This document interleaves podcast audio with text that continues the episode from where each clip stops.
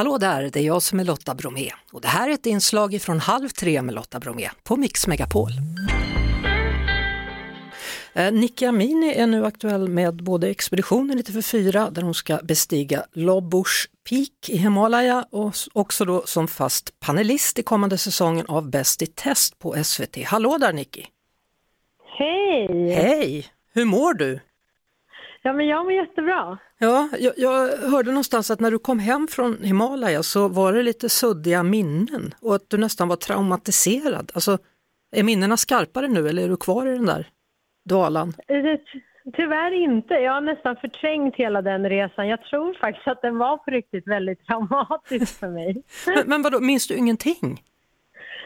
Eh, jo, jag, jag, minns fragment av det. Ja. Men alltså man, man är ju, det är ju väldigt speciella liksom, förhållanden. Mm. Eh, och sen så gör man ju en väldigt extrem resa tillsammans med personer som jag liksom egentligen inte känner sen tidigare och sen så har det liksom en, en kamera i ansiktet från sekunden du vaknar till att du sover. Så det, det var en väldigt speciell upplevelse. Ja, det måste väl vara ungefär som att vara idol?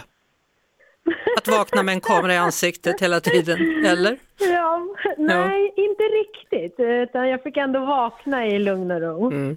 Vem kom du närmast på resan då? Ja, men jag och Anja Persson delade ju rum och tält mestadels. Eh, så vi, vi hittade varandra där. Men överlag så um, det var ett härligt gäng. Gustav Hammarsten får ju mig att skratta mm, mm. vilken sekund som helst. Mm. Men, men Anja då, hon är ju en väldigt vältränad person. Kunde du hålla liksom samma tempo som henne? Ja, alltså hon är ju liksom en elitidrottare och jag är väl allt annat än det. Ja, så hon bar dig upp för berget, är det så? ja, precis. Anja fick mig på köpet där. ja. Nej, men hon är, hon är ju alltid vältränad denna människa. Alltså det går ju inte att hålla den takten, eller? Nej, men tänk dig under så många år träna på en sån hög nivå. Jag tror att det liksom det sätter sig i kroppen, det försvinner inte. Och sen Nej. hon fortsätter ju träna. Men jag ska vara ärlig och säga att jag faktiskt också tränade då inför den här resan. Mm. Eh, jag, jag, förstod ju att det kommer vara en extrem eh, utmaning. Så mm. jag förberedde mig så gott jag kunde. Ja, räckte det då? det kan jag ju tyvärr inte kommentera just Nej. nu. Då låter vi det vara. Men du, kommer du fortsätta bestiga berg? Jag gjorde mitt bästa kan jag säga. Det är ja. alltid bra att göra sitt bästa. Kommer du fortsätta nu då och bestiga berg med familjen eller hur gör du? Eh, min man eh, var ju väldigt överlycklig över att jag skulle göra det här med hopp om att jag skulle få mer smak och sen vilja göra det med honom. Mm. Jag vet inte eh, tyvärr, det.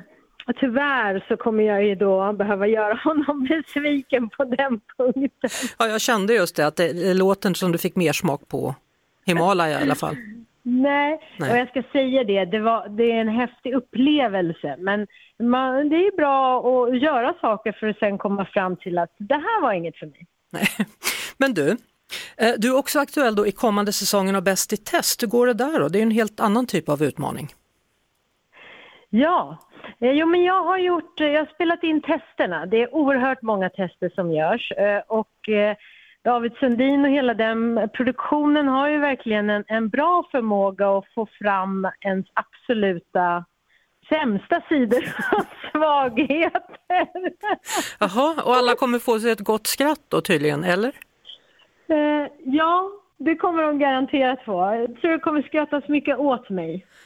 Hur är du som problemlösare då? Ja, jag, jag, har tidigare upplevt mig själv vara väldigt pragmatisk och rationell. Mm. Eh, och, och, den självbilden eh, krossades väl en aning efter mina testdagar i Bäst i test. Jaha, så du bara, ja. du bara, jaha, var det sån här jag var? Ja, men eh, det, var bra för självinsikten. Det är en värdefull erfarenhet jag bär med mig. Mm. Mm. Uh, Innan vi avslutar så måste jag bara fråga dig lite allvarligt, Nika Amini. De här protesterna i Iran, du har skrivit ganska mycket om, om det på Instagram. Ja. Hur ska vi tänka? Hur tänker du? Um, och nu gick jag från att vara en väldigt um, glad och skratt uh, till att bli väldigt ledsen. jag har lite svårt att prata om det om jag ska vara ärlig. Jag, jag mm. är väldigt berörd och det är en väldigt fruktansvärd situation. Och, jag känner mig väldigt maktlös. Liksom. Jag, jag, förstår inte varför världen behöver vara så ond. Det är liksom, Iran, stor del av befolkningen består av unga människor. Och liksom, vad är det för framtid de har framför sig? Så vi fortsätter protestera helt enkelt?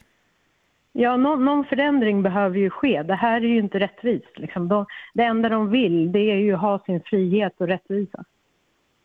Nicky Amini, då slutar vi i det allvaret men säger samtidigt då, vad kul att du bjuder på dig själv så småningom i uh, Bäst i test. Tusen tack Lotta. Ja, sköt om dig. Hej hej. Ha det bra. Vi hörs såklart på Mix Megapol varje eftermiddag vid halv tre.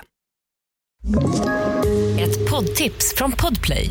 I fallen jag aldrig glömmer djupdyker Hasse Aro i arbetet bakom några av Sveriges mest uppseendeväckande brottsutredningar går vi in med hemlig telefonavlyssning och, och då upplever vi att vi får en total förändring av hans beteende. Vad är det som händer nu? Vem är det som läcker? Och så säger han att jag är kriminell, jag har varit kriminell i hela mitt liv men att mörda ett barn, där går min gräns. Nya säsongen av Fallen jag aldrig glömmer på Podplay.